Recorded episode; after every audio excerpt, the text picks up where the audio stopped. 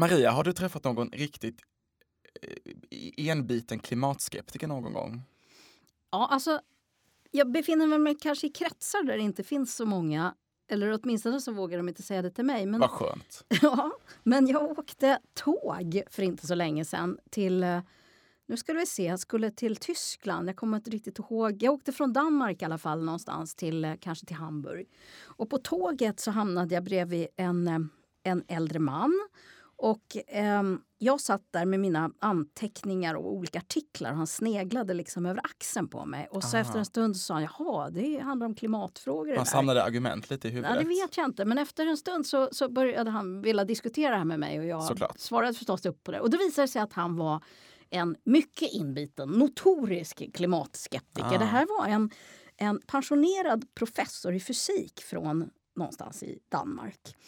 Ah, han Eh, var dansk. och, eh, Ah. Eh, Han ägnade stor del av den här resan åt att eh, prata om varför eh, klimat, att det inte finns några klimatförändringar, varför klimatförändringarna inte är ett problem och hade olika konspirationsteorier som han la fram också.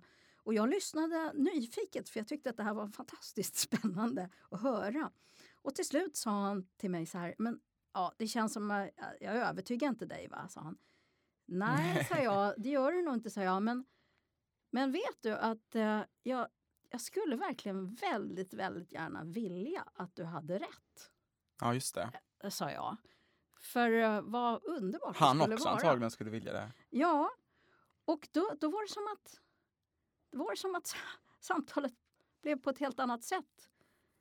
Han blev alldeles tyst och började uppenbarligen fundera lite Mm. grann. Och, och sen kunde vi ha ett annat sorts samtal eh, där han faktiskt också var lite intresserad av vad, vad jag tänkte. Jag Men tänker, det att de var ett här, spännande möte. jag tänker att de här klimatskeptikerna liksom finns i två olika led på något sätt. De som, som saknar helt och hållet argument och, och, och, och, och kunskap och som helt enkelt liksom lever i någon förnekelsevärld helt enkelt. Och de som faktiskt har samlat på sig ganska så slagkraftiga argument och någon egen alternativ forskning som någon ändå har lyckats ta fram.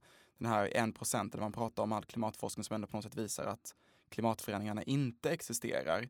Och han tillhörde ju snarare då den andra delen. Är det, ty- tycker du det är roligare att diskutera med någon som, som, som i alla fall har några, eh, som sköter en argumentation om du förstår vad jag menar, än någon som helt enkelt inte bara varken vill eller kan förstå någonting. Nej, alltså jag, egentligen tycker jag bara att det, Det är inte ditt intresse djupt oroväckande Ja. och, och sorgligt. Så att eh, jag finner inget nöje i det. Jag tror kanske inte heller att det är så meningsfullt. Men vi ska prata lite om klimatskeptiker idag. Vi ska inte göra det helt ensamma. Vi har faktiskt med oss eh, en tredje person på en coronasäker länk. Eh, så jag tänker att vi kör en liten jingel och så blir det som en liten cliffhanger då. Eh, Vem är den hemliga ja. gästen? Precis.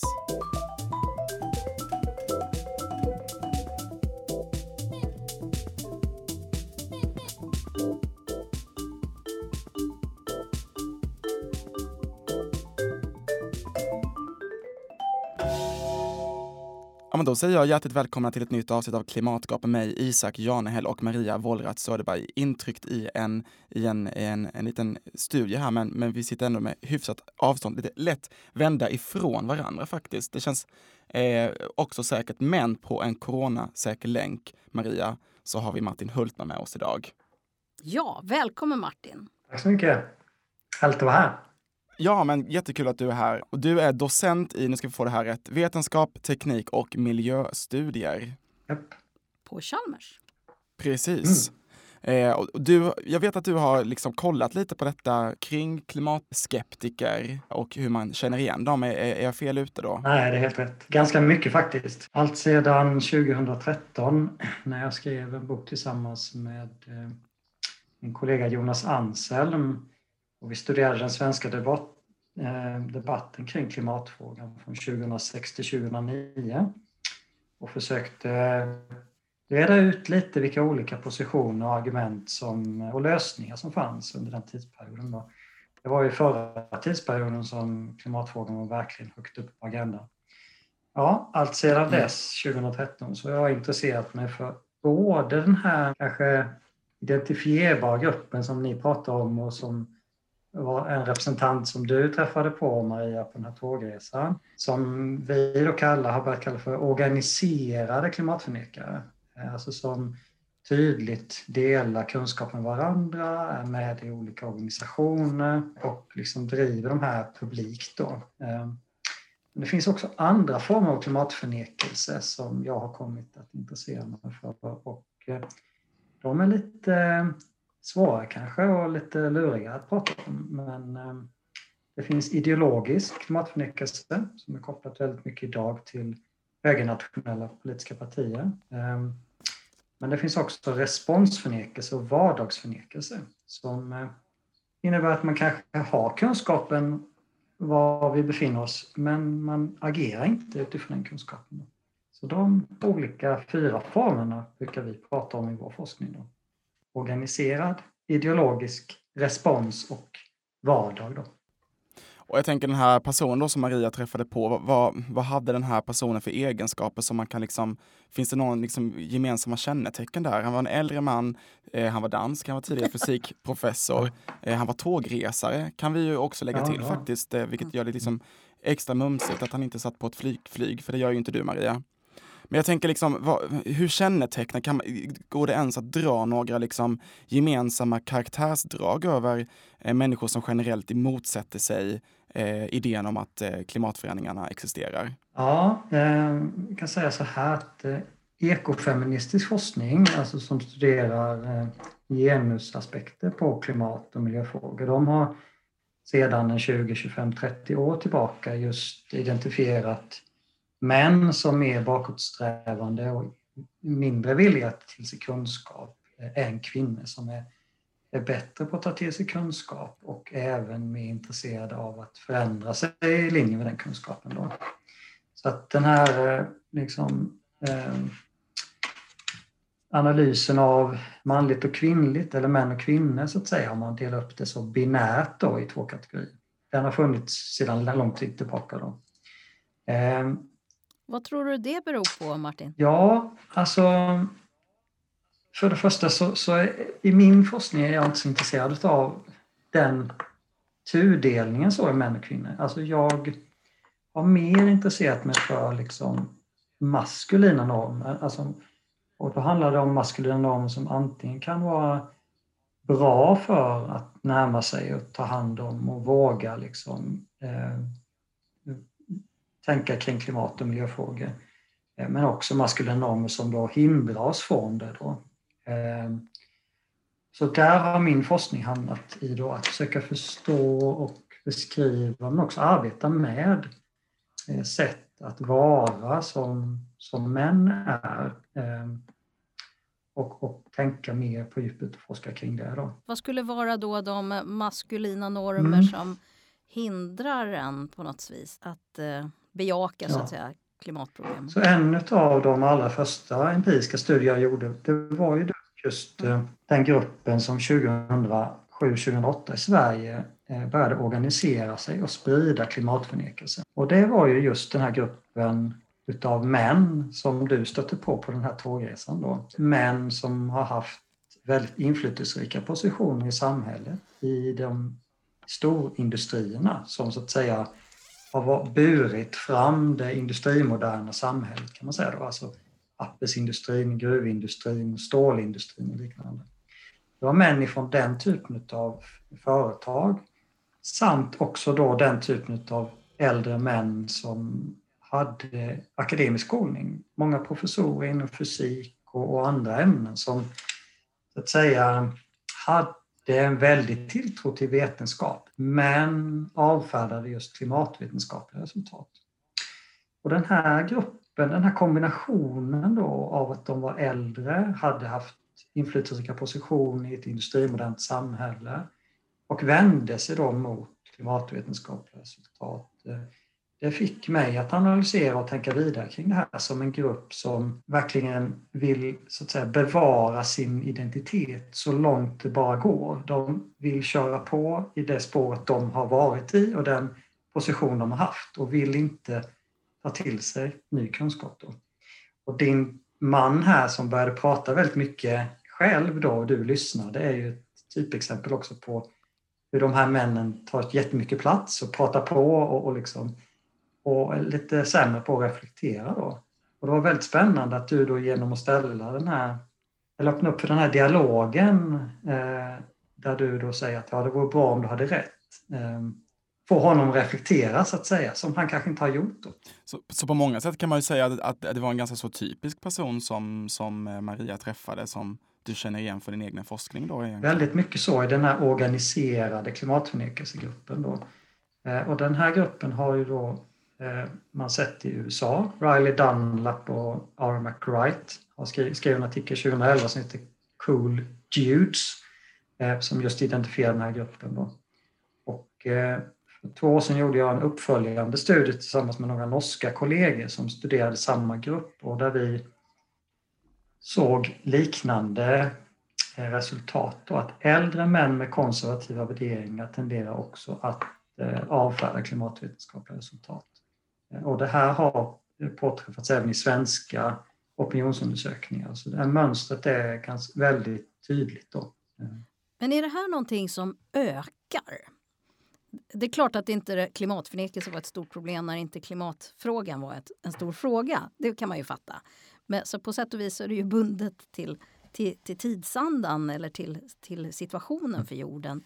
Men vad säger du? Eh, eh, jag, jag hörde nyligen att vi hade fått ett, ökande siffror i Sverige. Ja, eh, det har det. Reuters Institute som är vid Oxford University. De hade gjort en global studie i den studien så hittade de att 9% av Sveriges befolkning idag då inte tänk, tycker att man behöver ta klimatvetenskapliga resultat på allvar alls. Och det är vi då nummer två i den ligan efter USA som har 12 Och det här handlar om den gruppen som helt avfärdar klimatvetenskapen. som konspirationsteori eller osanningar eller bara, eller bara hittepå. Liksom, helt och den här gruppen, även om den här undersökningen den är då eh, internetbaserad så att man kan ha lite funderingar på vilka det är som har svarat på den här eh, undersökningen. Då. Eh, om det gör en bias så att säga åt ett eller annat håll. Men det är väldigt mycket högre siffror än de som det brukar pratas om i andra studier. När det, då brukar det pratas om 2-3 procent av Sveriges befolkning. Ja, det är vad jag har hört också. Så den är väldigt, väldigt mm. Och vi har ju sett den här ökningen då eftersom att en doktorand som jag handleder, han studerar just eh, medier på högerkanten som bara finns digitalt. Ehm, och där har man då sett en väldigt, väldigt eh, stark ökning av den här typen av idéer spridas sedan 2018. Då. Innan dess så var det nästan inte alls på agendan, även om Sverigedemokraterna har haft en klimatförnekelse som liksom del av sin politik under lång tid så har det inte funnits i massmedia tidigare. I en del av de texter jag tittar på som du har varit med och skrivit så beskriver ni en ökad polarisering och också en ökad politisering av eh, klimatfrågan. Eh, vad jag tänker på är till exempel att, att eh, när man tittar på gammal gammal hederlig nazism, höll jag på att säga, från 40-talet så kan det finnas ett märkligt starkt engagemang för, för, för, för miljöfrågor. Medan det känns som en otänkbarhet i, idag när det gäller högerextrema rörelser. Eller är jag ute och ja, men Det var många intressanta frågor där i ett. Eh, mm. Ökad politisering skulle inte jag vilja prata om det som. Eh, det, det begreppet känner jag mig inte så där bekväm Jag tycker det är ganska konstigt på något sätt. Nej, det snöt, snöt jag ja, nog i, ur luften, ja, så glöm det. Vi pratar om polarisering. Ja. Mm. Så den här mm. senaste då, undersökningen från Reuters Institute i Oxford då, den påvisar ju att vi börjar röra oss väldigt snabbt, alltså fast forward verkligen, i, i, i, mot ett läge som har funnits i USA under ungefär tio år. Då. Eh, och, och, och, det är någonting som sker väldigt snabbt då i Sverige. Medan som sagt det har ju varit synligt i USA sedan 2006-2007 utifrån ideologi då. Alltså det republikanska partiet är ju så att säga kidnappat utav fossilindustriintressen och de intressen som vill sprida tvivel kring klimatfrågan. Då. det har ju visats i, i Merchant of Doubt till exempel, bok, boken av historikern Naomi Reskes, men också av forskning av Riley Dunlap och Justin Farrell och, och väldigt många. Då. Um, Hur ser de där sambanden ut då? Ja, i USA är det ju väldigt tydligt eh, att eh, om vi går tillbaka till 80-talet då så eh, hade ju forskningen kring klimatförändringarna och vad som orsakar dem eh, hade ju blivit så etablerat och så spridd den kunskapen. Ehm, den började ju faktiskt med oljeindustrin som eh, de behövde kunna förutsäga hur haven skulle höjas, eh, hur permafrosten skulle smälta för att kunna fortsätta med sina oljeledningar och borra efter olja. Så att oljebolag var väldigt tidigt ute med klimatforskning. Det finns en, en SVT-dokumentär som heter Den stora klimatskandalen som handlar om det här, eh, men också mycket forskning.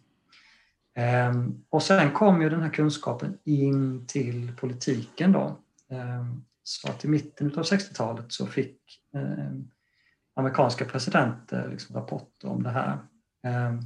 Och till Sverige kom det här i början av 70-talet, så redan 1972 vid FNs miljökonferens så var den här kunskapen uppe då. Men den blev inte accepterad och så att säga erkänd att politiken eh, och att miljörörelser plockade upp det så förrän i mitten av 80-talet. Men det är ju vid den här tidpunkten som IPCC startas och eh, det finns en bred eh, liksom, erkännande av den här typen av kunskap i alla politiska partier vid den här tidpunkten. Då. Jag brukar plocka fram en DN debattartikel av eh, den moderata eh, ekonomiskt politiska talespersonen eh, vid den tidperioden. Men han i DN Debatt 1989 skriver att vi måste ta klimatvetenskapen på största allvar och eh, vi måste agera nu. Eh, och det här exemplet är liksom för att tydligt visa att det, fanns på, all, på alla, liksom, på hela det ideologiska eh, spektrumet. spektrumet eh, ja. Det som inträffar sen på 90-talet är ju att de som tog fram den här kunskapen, oljebolagen, men även en del stater, alltså som till exempel Norge eh, eller Saudiarabien, Ryssland, USA.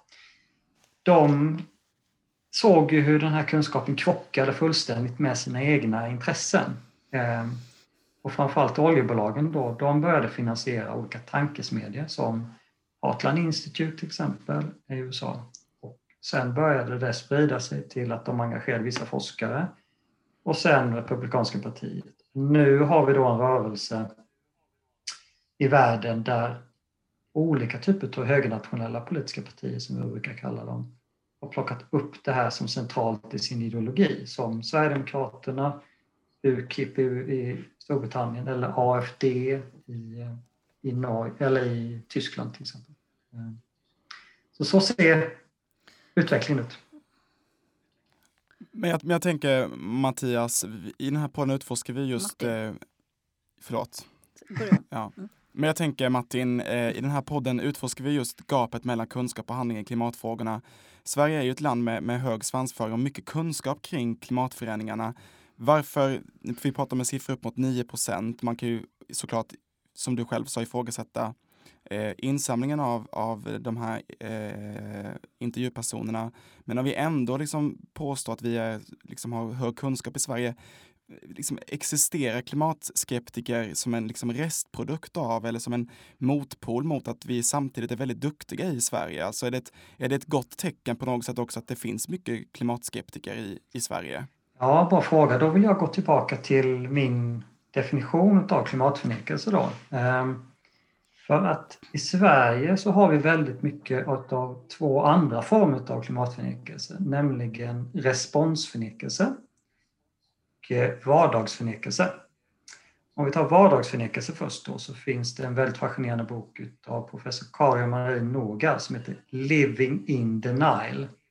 Om ni inte har läst den tidigare så gör det. Den är asjobbig. Eh, man mår dåligt flera veckor efter att man har läst den. Men den är väldigt upplysande. Och anledningen är att man känner igen ja, sig? Helt rätt. Anledningen är att man känner igen sig.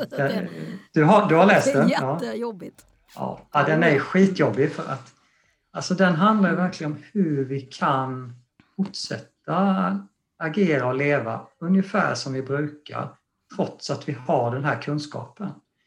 Och hon avslöjar det så eh, brutalt i sin studie utav ett litet samhälle i Norge där hon eh, Dels det här med teknikoptimism som jag förstod att ni skulle prata om i en annan podd här. Eh, hur vi hela tiden tror att det här ska lösas av ny teknik. Eh, den andra grejen är att vi skjuter på när vi ska agera i den här frågan till framtiden.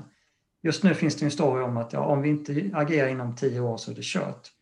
Och det, så är det ju inte. Vi måste agera nu. Vi borde ha agerat för fem år sedan eller tio år sedan. Det är bara det att om vi inte gör någonting så blir det väldigt, väldigt, väldigt, väldigt mycket svårare att göra någonting om tio år. Men, men det ingår ju lite i den här berättelsen om att vi liksom mm. skjuter på det här. Vi skjuter också på det i rummet. Vi eh, säger alltid att det är någon annan som ska göra det här. Någon annanismen liksom är väldigt ett väldigt central idé av det här och praktik av det här vardagsförnekelsen. Ja. Mm. Men du Martin, innan du fortsätter med responsförnekelsen som jag tänker att du säkert mm. ska göra så, så vill jag bara fråga lite saker om det här. För att just det här som du kallar vardagsförnekelse är ju det som jag också mm. forskar om tillsammans med mm. Nina Worms. Eh, och vi har ju valt att lite skilja det från klimatskepticism och här för du in det under samma rubrik så att säga. Är det inte att urvattna begreppet? Det är min första, min första fråga. Eh, och, och, och den andra frågan, är det samma sak? Alltså att förneka det aktivt eller att bara inte leva i enlighet med sin kunskap? Det är inte samma sak. Det är därför jag har olika begrepp för klimatförnekelsens olika former. Då. Ja.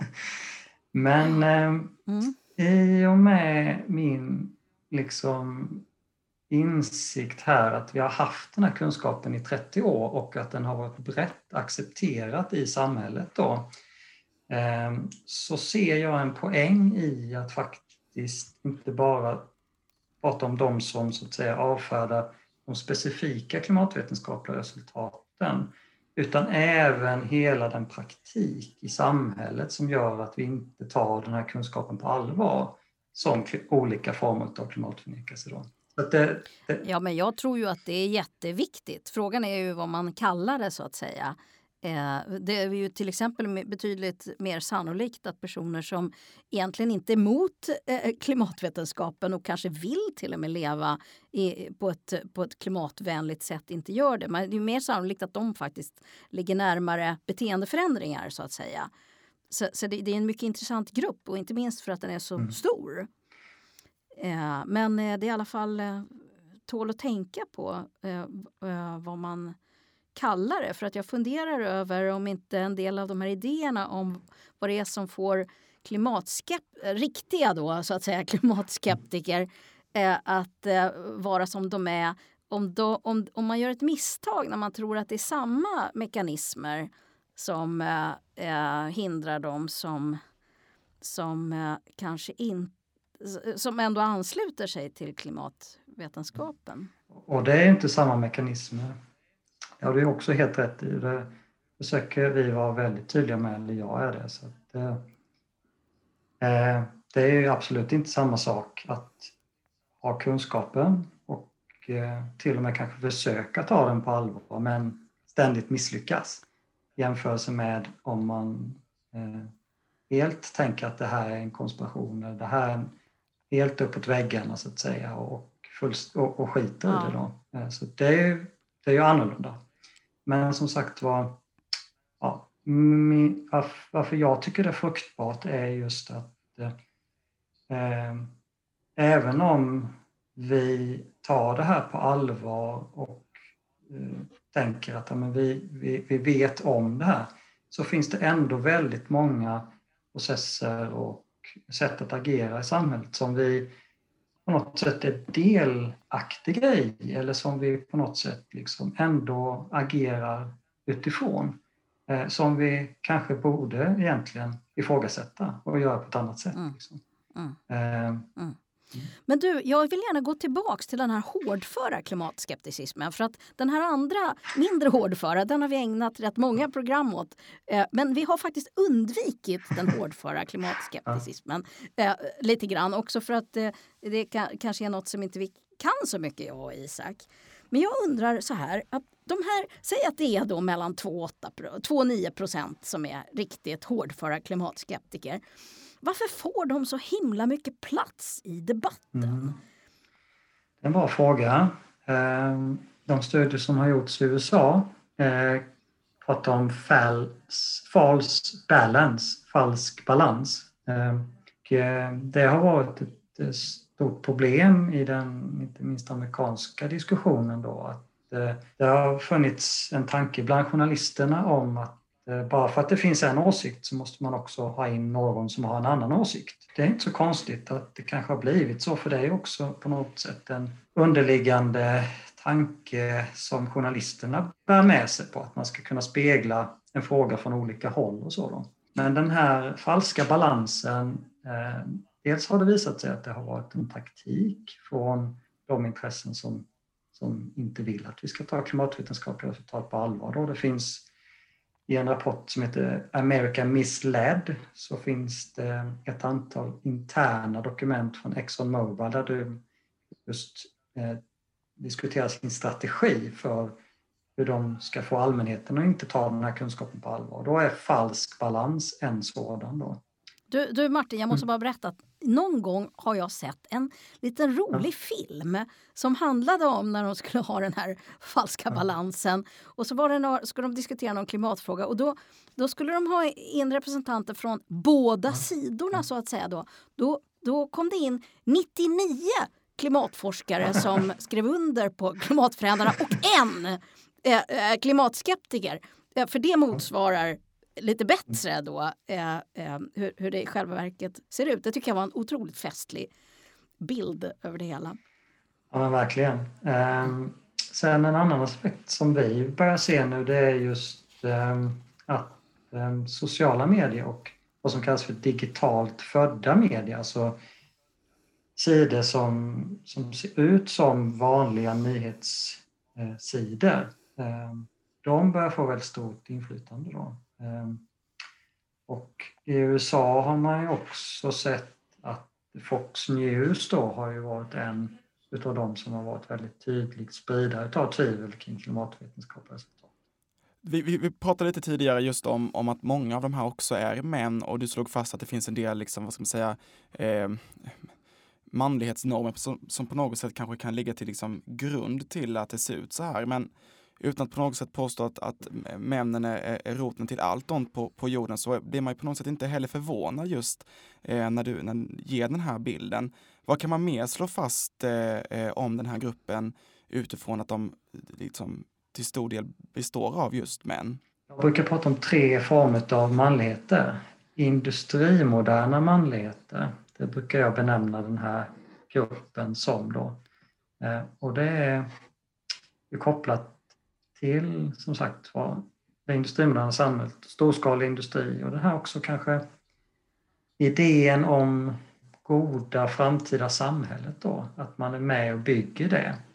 Ja, ja när jag tänker på att um, ja, jag tycker, när du säger så så associerar jag också till en idé om utveckling som linjär och mm. oundviklig. Ja, men helt klart. Um, det finns ju till och med forskning som pratar om en white male effekt och då handlar det just om det där att det alltid blir bättre och att det blir en linjär utveckling. Och om det skulle vara något problem så löser vi det med ny teknik. Och det innebär att den här gruppen också inte tar så stort risker på så stort allvar. Då. Det kan handla om kemiska risker eller miljörisker. Eller så. Men också klimatrisker. Då. Så man tror att det ska ordna sig att också naturen ska säga klara av de här utmaningarna av sig själv. Så att man, man liksom är inte så rädd för att det ska bli något problem heller. Och det var en av de här manligheterna. Mm. Nu pratar vi om ekomoderna maskuliniteter.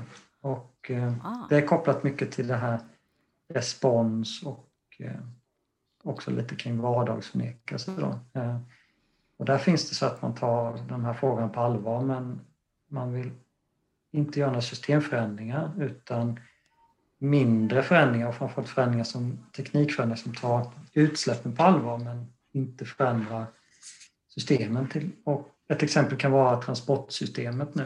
Ehm, mer och mer forskning talar ju om oss för oss att vi behöver liksom kanske sluta bygga stora motorvägar och vi behöver liksom använda bilen på ett annat sätt. Eh, vi behöver liksom transportera oss mer med cykel och gång då. Det är vad Trafikverket och andra säger.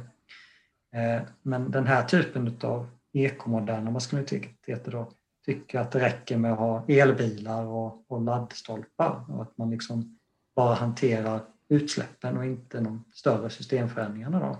Är det i den här gruppen man återfinner också många av respondenterna i våra studier av, med klimatengagerade människor som lägger ner väldigt stor möda på att till exempel källsortera och eh, kanske dumpstra och så vidare. Eh, men sen ändå kan tänka sig långa flygresor. De undviker ju åtminstone de typer av systemförändringar och beteendeförändringar som vi vet faktiskt gör störst verkan. Då. Jag har skrivit om Elon Musk och Arnold Schwarzenegger som just eh, urtypen för det här. Även om Arnold faktiskt börjar liksom okay. skifta lite, bli lite mer eh, transformativ senaste året. Ja, Arnold, vår kompis. Kanske gå att placera in Petter Stordalen även i den gruppen. Ja, Petter Stordalen är Stol toppexempel. Petter Stordalen ja, ja. kommer alltid upp i vår podd nämligen. Är av olika perfekt exempel på ja. ekomoderna maskulinitet. Ja. Mm. ja. Nu fick vi in honom igen nu Marie, det var väl fantastiskt det, skönt. Det varje gång. ja. Men du... Äh, så hade vi den tredje mannen då ja, också. Vi den tredje mannen. Ja, men alltså... Är det ja, Isak? det är Isak. Det är Isak. Nej, men ja. det, ja. vi har börjat fundera på hur, hur kan det vara om man tar de här kunskaperna på allvar och vill göra förändringar och också ifrågasätta liksom de dominerande manlighetsnormerna. Och då handlar det om att både reflektera mer över sig själv, eh, att förstå att man är en del utav liksom, den stora planeten, naturen, att, man liksom, att vi har vatten 65 procent i oss. Liksom. Det, det, det, bara passerar genom oss. Eh, vi är ju som människor del av en natur och samtidigt, vi är inte separerade så. Eh, men också handlar det om att, att liksom ha mer djupa relationer och liksom vi har en utbildning som vi har testat i, på ett tiotal platser som handlar om reflektionsgrupper för män. Eh, där man liksom får gå ner på djupet och, och liksom, eh, skapa en annan typ av band till både sig själv, andra människor, men inte minst till, till planeten vi liksom lever med. Eh, inte bara på eller av som de andra formerna kan tänka, utan vi lever ju liksom med den här. Då. Ehm, ja, vi försöker, det är också ett sätt att ta in existen, existentiella dimensioner i, i frågan. Ehm.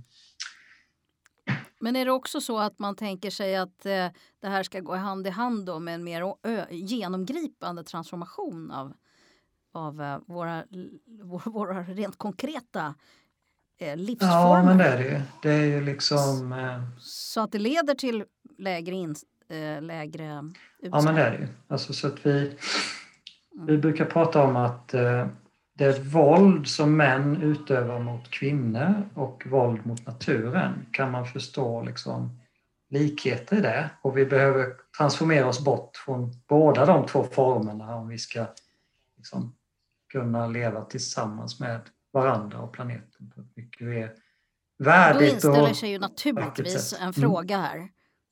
Vilken sorts man är du?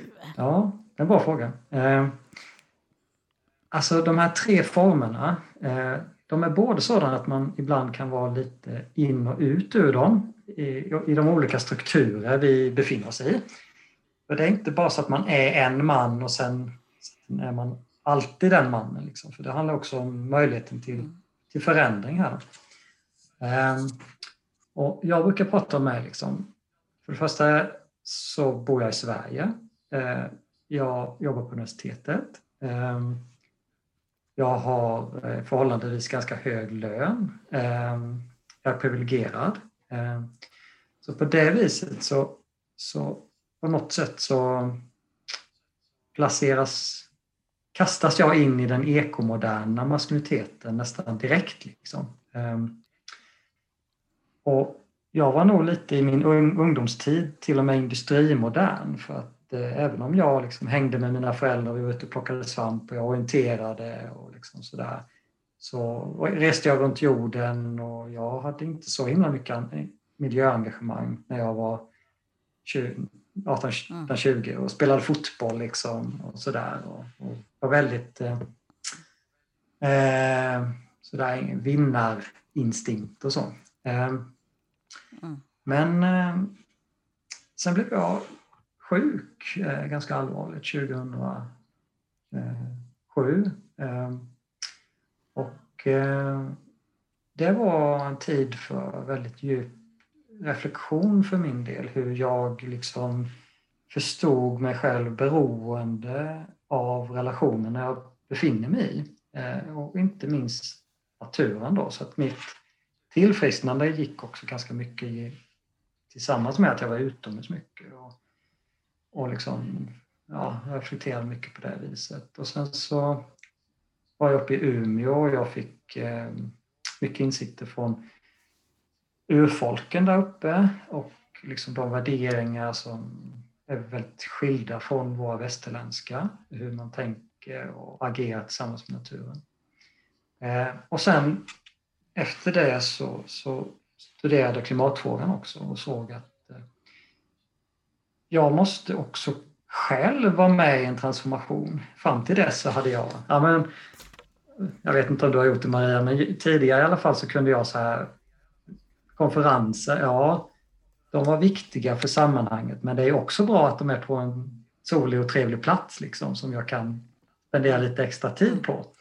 Alltså för vara ärlig så, så gjorde jag sånt beteende också och jag vet ju många av mina kollegor som forskar om klimat och miljöfrågor som fortfarande gör det. Men, men där någonstans 2014-2015 insåg jag att ja, men fan, jag, jag måste liksom på ett djupare plan transformera mig själv för att faktiskt vara ärlig mot det jag forskar om. Så då. Mm. Ja, så efter det så, så har jag gjort... Men, men det här är ja jättespännande för att jag, jag tänker att eh, liknande processer tycker jag att jag har hört många vittna om och bland de som har ändrat beteende på ett mer dramatiskt mm. sätt. Som till exempel den här studien vi har gjort med människor som har mm. slutat eh, flyga. Jag är ju nyfiken på de här reflektionsgrupperna då för män. Har det, har det, har det blivit en kioskvältare, höll jag på att säga? är det många som är intresserade av det? Det är alltid så himla roligt att man ska lösa eh, de här problemen kopplat till mäns, mansnormen, att, att män sitta och prata med varandra istället för att bara ta tag i sina liv kan jag känna. Men eh, kanske jag yttrar lite för starkt nu vad jag tänker, men ja. Ja. Jag förstår ändå din fråga Maria. Ja, men jag tycker samma att det är sak. intressant för sådana här grupper har vi hört om, eh, inte bara med män utan med människor som överhuvudtaget vill ställa om. Jo, att man har haft ett stort behov av ett sammanhang där man har också kunnat berätta om hur jobbigt det är för varann. Mm. Ja, jättebra. Ja. Alltså, eh, min erfarenhet och med stöd i forskningen är ju lite Isak att alltså, när män ska bara ta tag i sina liv så blir det lätt att man hoppar hoppar från problemformulering till lösning alldeles för snabbt. Och då blir det de här ekomoderna lösningarna. Då blir det liksom att man, köp, ja, man köper en Tesla typ och så fortsätter man att och köra på. Liksom. Det löser både 40-årskrisen och eh, miljöproblemen. I ett! Ja, ja definitivt. Verkligen. Ja. Mm. Mm. Men men jag tänker Matte, vi har pratat lite om, om eh, liksom hur vi eh, känner igen de här. Vill du säga någonting mer förresten? Ja, men jag ville säga kanske lite kring hur, vad vi har för erfarenhet från de här reflektionsgrupperna. Då. Ehm, dels så är det ju ett jättestort intresse då från alla typer av organisationer. Alltså från EU till FN till Svenska kyrkan. Ja, se, eh, de här som jobbar med hållbarhet i företag i, i Västsverige och så. Eh, det, det, är ett väldigt stort intresse för det här och det tror jag handlar om att eh, det är många som faktiskt ser att det här är ett problem eh, och, och funderar verkligen på hur, vad ska man göra åt det då? Liksom? Och vi har börjat att och utvärdera de här grupperna också. Och det var en, vi hade en kille som skrev magisteruppsats i våras om det. Jag vi har skrivit ett kapitel i en antologi nu. Och vi har ju bara gjort intervjuer efter de här grupperna. Då. Men i de intervjuerna så beskriver de här männen eh, på ett väldigt liksom fördjupat och existentiellt och, och liksom förtroligt sätt att de har fått, faktiskt fått insikter som, som har transformerat dem. Att de inte bara hoppat till nya lösningar och sådär utan det är nya insikter som verkar inträffa här. Då. Eh, sen är jag ju väldigt väl medveten om att eh, vi kan inte liksom göra en transformation bara genom den här typen av att män sitter och pratar med varandra. Jag tror att vi behöver väldigt många andra saker, som lagstiftning till exempel, som kan stötta en sån här snabb transformation och många andra grejer. Men eh, onekligen så, så är det någonting som liksom förändrar de här männen på djupet i alla fall. Jag, jag, får känslan av att du är djupt engagerad även som människa. Jag tänker på det här vittnesmålet om, om, om din egen transformation. Eh, eh, och, men, och du är också djupt engagerad som forskare. Jag ser ju att du deltar i debatten mm. med dina mm. mm. perspektiv. Och jag tänker att det här som du beskriver också är en sorts vad ska man säga, det är ett allvarligt misslyckande för forskningen mm. att vi inte liksom har lyckats hantera de här problematiken. Att det här bara kan hända med all den här skepticismen liksom som mm. ökar. Och, och, och, vad kan vi göra som forskare, eh, tänker du? Jag eh, brukar tacka ja till allt och sen får jag tacka nej när jag inser att jag inte hinner med allt. Och då handlar det om allt ifrån att åka och prata med VD på Volvo som jag har gjort i, i våras eller prata med de politiska partierna allihopa som jag har gjort under de senaste åren och eh, till att prata på bibliotek för människor och sådär. Så att, eh, däremot så finns det ett problem inom universitetsvärlden att inte den typen av arbete uppskattas när det gäller att komma till meritering eller när det gäller att komma till högre lön eller liksom att, att man eh, ja, legitimerar liksom en tjänstetillsättning och så. Utan där är ju universitetsvärlden väldigt mycket fast i fortfarande publikationer och böcker och, och sånt. Då. Eh, och undervisning inom universiteten. Även om man säger att det här är viktigt. Så jag skulle vilja se en förändring, att det skulle vara forskare som också hade mer den här rollen som kanske du och jag har, att faktiskt liksom sprida den här typen av kunskap. Då. Eh, sen tycker jag det är viktigt också eh, att inte att prata utifrån sin, sin kunskap och studie och så och, och vara med i dialoger. Men inte heller sen kliva över och ut på kanske områden som man inte är expert på. Det tycker jag jag försöker och att tänka på. Jag tycker att det finns en, en del mm. exempel på där det blir lite tokigt och fel. Liksom. Och inte minst de klimat eh, de, de, som sprider klimatförnekelse är ju faktiskt många sådana som kliver långt, långt, långt bortom sin, sin egen kompetens.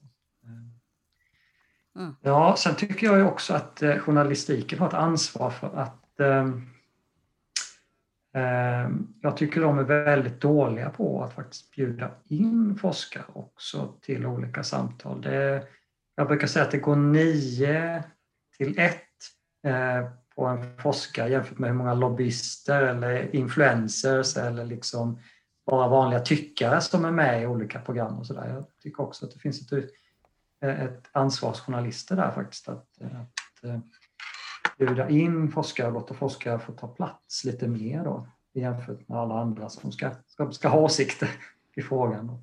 Ja, det var tre, tre grejer som jag mm. tänkt på i alla fall. Ja. Mm.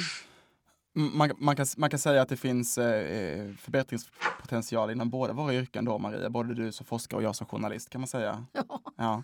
Eh, bara för att knyta ihop säcken lite Matt, vi har pratat lite om, om liksom hur vi lär oss att känna igen de här klimatskeptikerna och vi kan väl ändå på något sätt våga påstå att många av dem är män, men vi kanske ska säga till försvar till alla pensionerade fysiklärare att det är inte säkert att de har samma eh, liksom, yrkesmässiga bakgrund. Mm. Men, men hur, vad finns det för medicin som liksom kan råda bot på detta? Har du någon kort eh, lista där med saker som faktiskt hjälper eh, för att få de här människorna att eh, ta klimatförändringarna på allvar och agera? Ja, nu pratar jag utifrån min erfarenhet, för det här har jag inte forskat om, men eh, det finns en eh, bra sida som heter www.skepticalscience.com. Där har mycket av den här kunskapen samlats då och de kom ut med en ny rapport som heter Debunking Climate Denial eh, nu senast. Då. Där finns många olika sätt att hantera det här beskrivna. Då. Men en av dem, om vi återkommer till Maria igen, är ju faktiskt att ställa en fråga som vrider lite på perspektivet Eh, när, när, du, när man pratar med en sådan här person. Ett annat sätt brukar vara att försöka eh, anknyta väldigt eh, tydligt till någons vardagsliv. Som till exempel att eh, ja, men i din stuga på Gotland, där eh, har ni problem med grundvattnet nu och, och det har man ju förutsatt, eller förutsett i klimatmodellerna. Hur, hur tänker du kring det? Vad, vad, hur, hur, ser din framtidsbild ut när det gäller det? Ehm, och eh, den andra grejen som också visat sig då fungera, inte minst när man har studerat eh, den eh, unga rättviserörelsen med Greta Thunberg och andra i spetsen är ju att ungdomar som pratar om de här frågorna, de har en förmåga att kommunicera dem till även de äldre generationerna. Det finns två studier som jag känner till i alla fall, en från USA och en från Sverige som just påvisar det här att när man pratar om nästa generation och så, så, så verkar det finnas en öppning då. Eh, det som inte verkar funka är ju att eh, bemöta de här påståendena med kunskap då, inte i dialoger. Eh, där eh, verkar det vara död, dödsfött liksom att, att gå in i den typen av, utan det är andra, andra sätt, andra strategier, andra möjligheter som man måste liksom använda sig av då, enligt den forskning som finns. Då. Eh. Så sann argumentation biter inte så att säga? Nej, det, det, det verkar inte funka. Och det får man väl också säga att liksom, vi har ju haft den här kunskapen så länge så att eh, historiskt sett så verkar det inte heller liksom ha varit så framgångsrikt utan man måste förstå den här frågan som en fråga som är på jorden, som är existentiell, som är liksom en fråga för hela samhället. Eh, det är bara först då, tänker jag också, som man kan liksom förstå hur vi ska ta oss vidare och bortom dessa liksom hinder för eh, klimatomställningen som, som liksom finns. Martin Hultman, tusen tack för att du var med och pratade om detta jättespännande ämne. Både jag och Maria har nog jättemycket mer frågor vi skulle vilja ställa. Men, men och jag till er. Har redan nått... Eh, ja, men precis. Ja, men det kanske finns anledning att, mm. att träffas eh, eh, igen och, och fortsätta vårt samtal. Det, vi har redan slagit rekord tror jag idag med vårt längsta samtal hittills, så det får du ta som en, en, en, eh, en positiv indikation med dig tillbaka. Tack så jättemycket för att du var med. Tack själva. Tack så jättemycket. Och ja, Maria, det får bli lite slutorden nu eh, för dagens podd. Eh, har någon spontan tanke? Nej, det bara slog mig att jag hade någon gång ett annat samtal med en klimatskeptiker som, som, där jag ställde frågan så här. Skulle det göra något eh, om jo, luften blev renare och vattnen och haven blev renare och så vidare? Om det nu är så att vi har fel alla vi som tror Just det, vad är det värsta som kan hända om vi har fel? Ja, och jag tyckte att det gav faktiskt också en sorts fruktbar fortsättning på, på samtalet. Se där ja. Ja, ja. så det, det, var bara en association som jag, som jag gjorde. Vi får gå ut och öva oss helt enkelt. Och en med... annan association är att Jo, man kan ju glädjas åt att det verkar vara åtminstone 91 procent av svenskarna som inte är klimatskeptiker. Ja, det var en, en positiv avslutning. Ja. Det får bli det absoluta Allt slutordet. Ja. ja. Tack för idag Maria. Tack.